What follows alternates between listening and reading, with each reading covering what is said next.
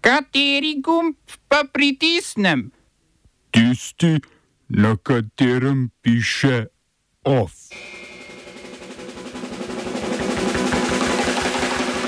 Hongkonško sodišče odredilo stečaj nepremičninskega giganta Evergrande. Zahodnjaki z američani in Nemci na čelu prekinili financiranje Agencije Združenih narodov za palestinske begunce. Ukrajinska varnostna služba odkrila korupcijsko schemo pri nakupu streljiva v višini 37 milijonov evrov. Zaposleni na upravnih enotah začeli tridnevno stavko.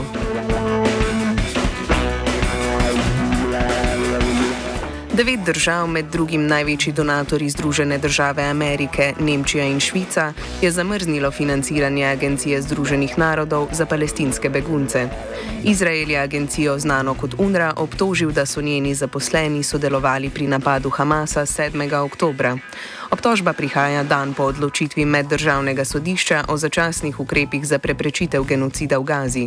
Skupna vrednost sredstev, ki so jih države zadržale brez čakanja na dokaze o upletenosti, je okoli 615 milijonov evrov, kar je 57 odstotkov financiranja, ki ga UNRWA prejme od članic Združenih narodov.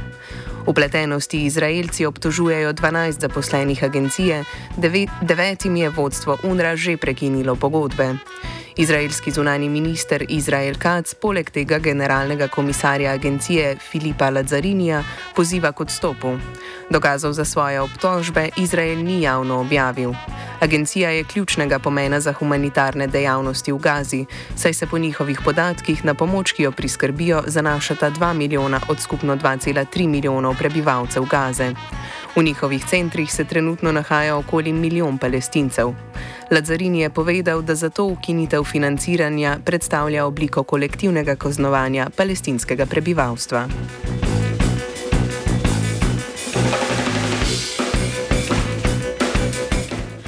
V včerajšnjem napadu z brezpilotnim letalnikom na ameriško bazo v severni Jordaniji, blizu meje s Sirijo, so umrli trije ameriški vojaki, vsaj 34 je ranjenih. Odgovornost za napad je prevzela koalicija šiitskih milic Islamski odpor v Iraku, ki jih po trditvah američanov in britancev podpira Iran. Iranska vlada vpletenost v napad zanika, čež da islamski odpor v Iraku ne izvršuje njihovih ukazov.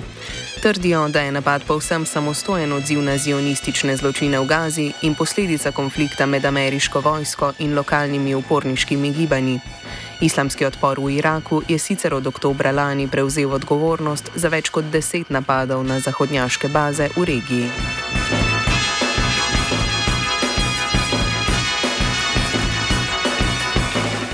Više sodišče v Hongkongu je odredilo stečaj konglomerata China Evergrande, najbolj zadolženega nepremičninskega podjetja na svetu. Podjetje ima za več kot 277 milijard evrov dolgov, v dveh letih od zamujenega odplačila obveznic pa niso uspeli sestaviti načrta za prestrukturiranje.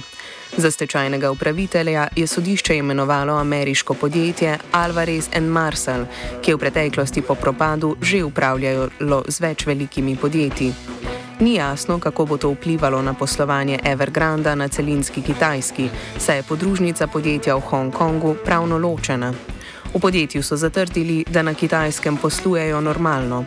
Kitajska je od leta 2020 zaostrovala pogoje zadolževanja nepremičninskih podjetij in s tem poskušala počasi umiriti špekulacije na trgu.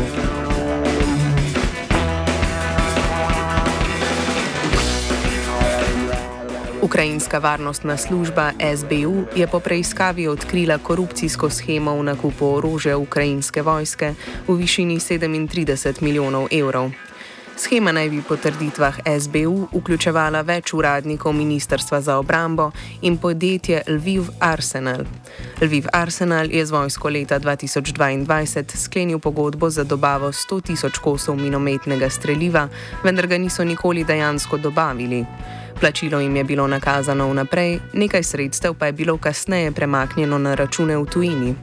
Obtoženih je bilo pet ljudi, enega izmed njih so ukrajinske oblasti že pridržale, ko je poskušal zapustiti državo. Ukrajinskemu ministrstvu za obrambo korupcijski škandali sicer niso tuji. Zaradi korupcije pri nakupu vojaške opreme je bil septembra lani že razrešen minister Aleksej Reznikov.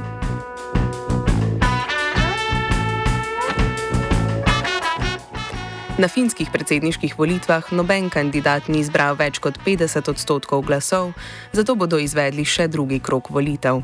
Največ glasov, nekaj več kot 27 odstotkov, je osvojil nekdanji premijer Aleksandr Stup, kandidat vladajoče desne stranke Narodne koalicije. V drugem krogu se bo pomeril z drugo uvrščenim Peko Avistom, nekdanjim zunanjim ministrom in kandidatom zelene stranke, ki je včeraj izbral skoraj 26 odstotkov glasov.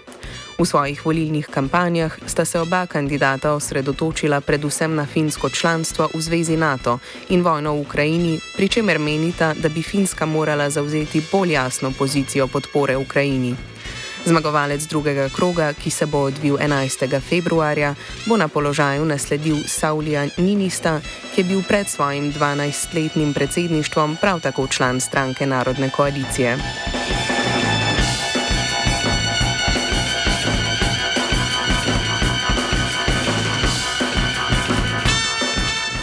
Burkina Faso, Niger in Mali so oznanili takojšen izstop iz gospodarske skupnosti zahodnoafriških držav, znane pod kratico ECOWAS.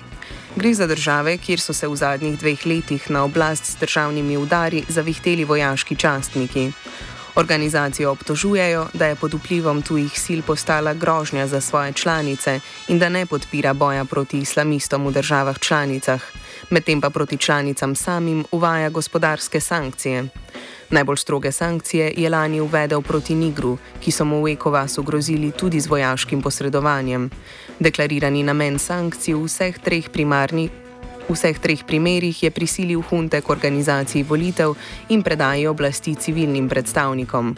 V Ekovasu so se na oznanitev odstopa odzvali s pojasnilom, da o izstopu niso bili obveščeni pravočasno, saj lahko izstopni protokoli trajajo do enega leta. Glede na zamrznjeno članstvo vseh treh, formalna obvestila v tem primeru ne predstavljajo bistvene razlike.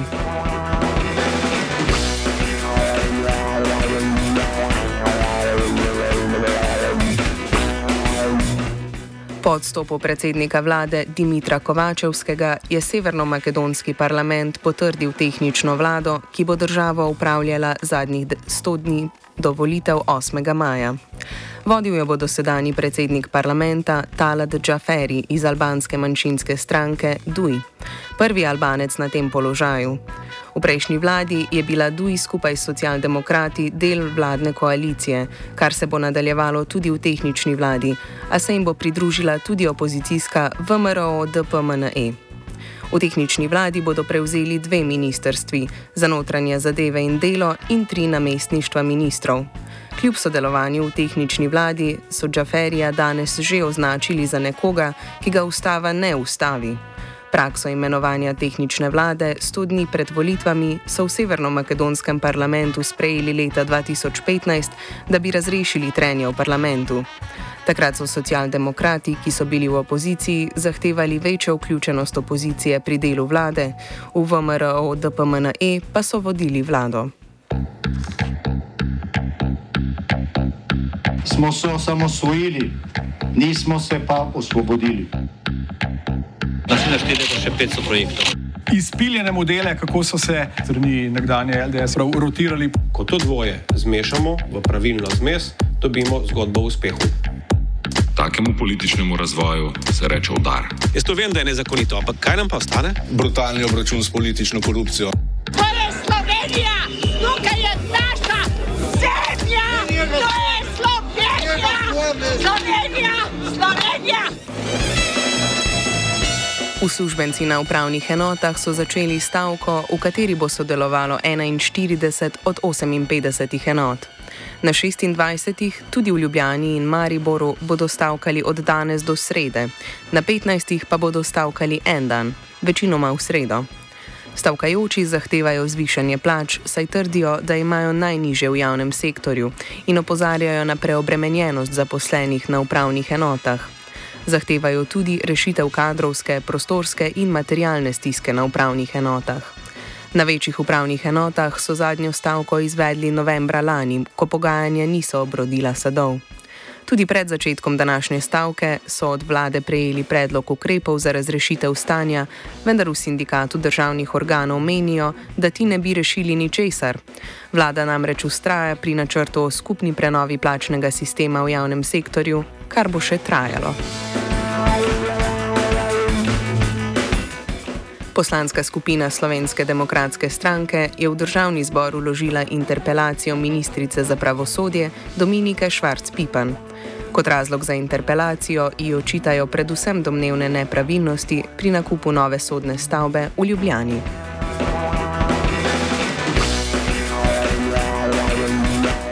Današnje seje državnega zbora so se udeležili tudi člani Gibanja za pravice palestincev, ki so izobesili palestinske zastave, s tem pa med poslanci sprožili krajšo razpravo. Nekateri poslanci, naprimer Jelka Godec iz vrst Slovenske demokratske stranke, so se namreč v prisotnosti palestinskih zastav počutili v nevarnosti. Ob tem so člani gibanja ponovili zahteve, ki so jih z več drugimi nevladnimi organizacijami, kot je Slovenska filantropija, vladi predstavili 16. januarja. Zahteve strne Barbara Vodopivec, članica gibanja za pravice palestincev. Meddržavno sodišče je v petek eh, Izraelu kazalo ne sprejetje ukrepov za takojšno prepričitev nadaljnega pobijanja palestincev in palestink v Gazi. Uh, zdaj, um, mednarodna skupnost uh, je torej zavezana tudi tukaj, da izpolni svoje dožnosti in vsi ustori vse, da se ohrani vladavina mednarodnega prava in zagotovi spoštovanje te odločitve meddržavnega sodišča. Del mednarodne skupnosti je tudi Republika Slovenija. Republika Slovenija je v odzivu na tožbo jasno zahtevala prekinitev izraelskih napadov, ampak ker nič ne kaže, da bo te, do tega prišlo in se blokada in pobijanje uh, palestincev v teh dneh še nadaljuje nadaljujejo, je nujno, da se sprejmejo nadaljni konkretni ukrepi. Um, in mi uh, že, vr, že nekaj časa pozivamo, da uh, vlado Republike Slovenije, da naj se Republika Slovenija pridruži tožbi, Južne, tožbi Republike Južne Afrike pred meddržavnim sodiščem, naj Slovenija razglasi vojaški embargo na trgovanje z orožjem in vojaško upremo z Izraelom, uh, tudi da predlaga in se zauzame za sankcije na ravni Evropske unije, ter da prekine diplomatske stike z Izraelom in odpokliče slovenske predstavnike z Izraela. Of je pripravil Luka.